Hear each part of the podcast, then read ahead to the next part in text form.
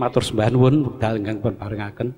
Kula wau Bapak sampun dawuhaken bab satriya nanging raos kula dereng marem awit kula piyambak dereng wonten dawuh-dawuh saking Bapak utawi tegesipun.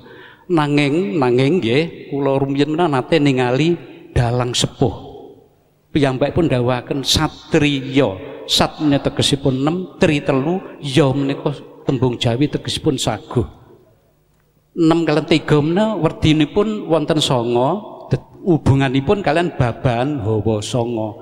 Wis to, nggih bocah bagus rikala semanten nggih. Criyosipun dalang sepuh kala wau. Waton wong kuwi bisa nata lakune baban hawa songo kuwi bakal diayomi dening Gusti Kang Maha Kuwasa. Inggih babahan hawa sanga menika ingkang kula suwunaken pirsa werdinipun kados pundi matur sembah nuwun. Ini beliau sudah lebih tahu dari saya, jadi nanti pada saat menjawab beliau lagi yang menjawab.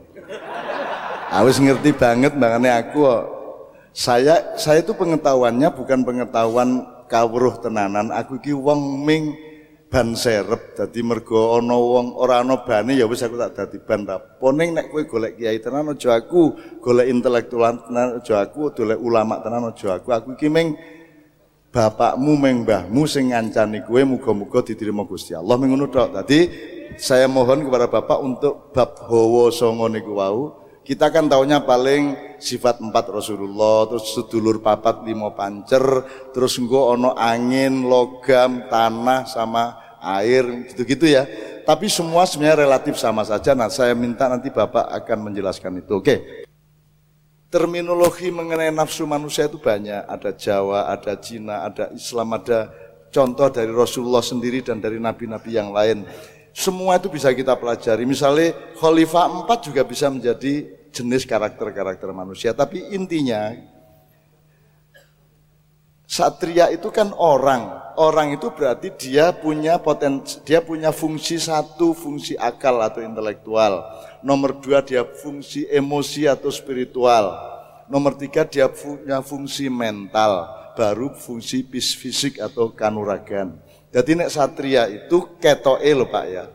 Secara akal dia dia limo ya limo, orang jur limo tadi enam, pol limo iso wani piro, Iso tak enam ke, iso tak pitok ke kan gitu. Nah, kalau seorang satria enam adalah enam, rendeng yo ya enam, ketiga yo ya enam, loro yo ya enam, waras yo enam, duit duit oke enam ya tetap enam, kan duit duit tetap enam, itu satria. Nek ora ora satria kan gitu. Nah, bahwa ada ukuran macam-macam, ada sidik, fatona, tablik, am, apa, sidik, amanat, tablik, fatona, ada sedulur papat limo pancer, ada Abu Bakar orang yang kultural, ada Umar orang yang radikal, ada Usman orang yang seim, orang yang mencari keseimbangan, ada, ada Ali orang yang yang tidak butuh tidak butuh medium dan itu itu teori dan itu cara kita menempuh jalan untuk sampai kepada kekesatriaan tadi. Nah, termasuk yang Bapak sebut tadi Howo Songo tadi itu juga satu pendekatan Jawa yang luar biasa.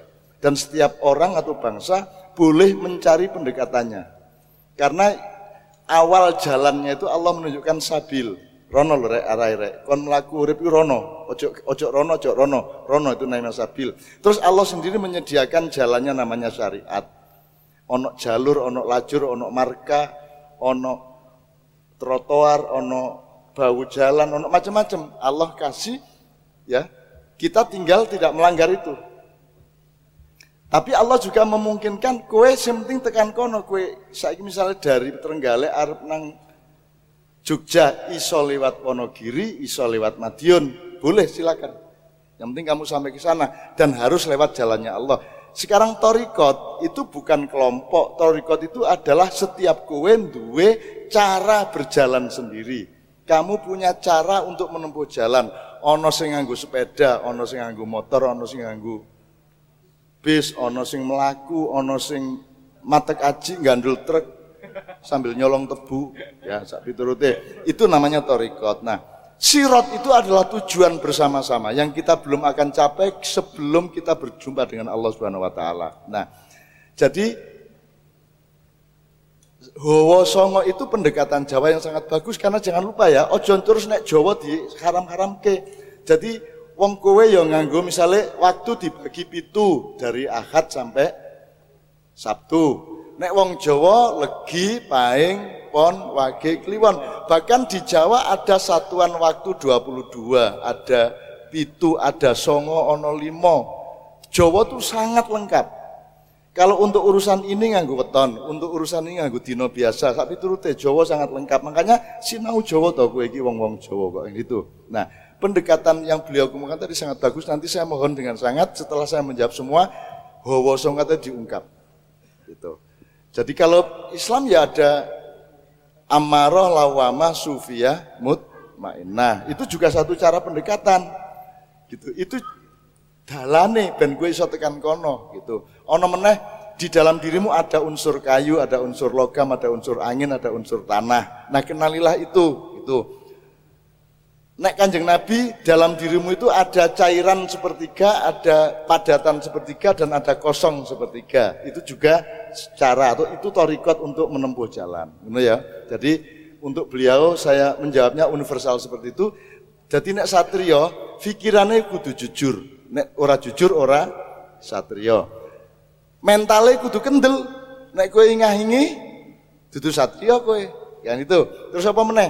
Spiritualnya kudu tepat kudu tepat spiritualnya ya. Nek ora ora satrio kowe ora iso mendito ora iso begawan ora iso dadi panembahan gitu. Di dalam Jawa ada ajaran yang sangat luar biasa yang tidak dijalankan oleh orang Indonesia. Wong nek wis umur sakit munggah wis mulai mendito nggih Mas nggih Mas Jalang nggih. Coba anaknya Brawijaya nomor dua kakaknya Raden Patah itu panglima perang.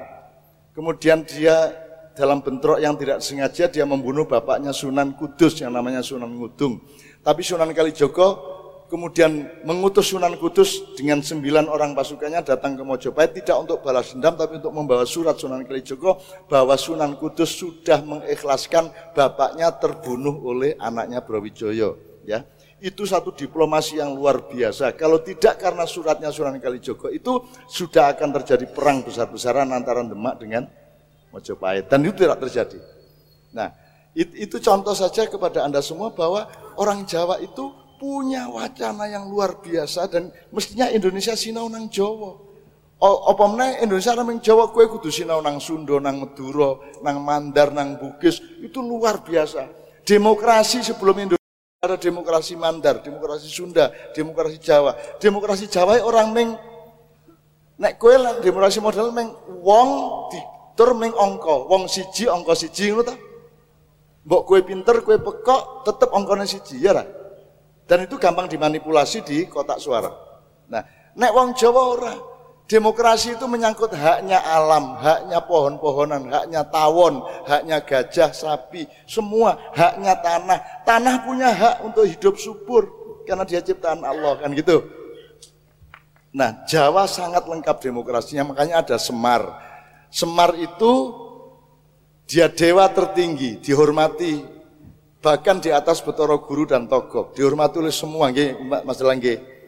Dia Panembahan Ismoyo, tapi sekaligus dia adalah Semar Bodronoyo, Lurah Karang Kedempel. Nah, kalau Anda mengerti fisika, titik Ismoyo dan titik Bodronoyo ini kan satu, bukan dua. Berarti kudu mubeng. Jadi rakyat kui adalah pendeta yang tertinggi, pendeta yang tertinggi adalah rakyat.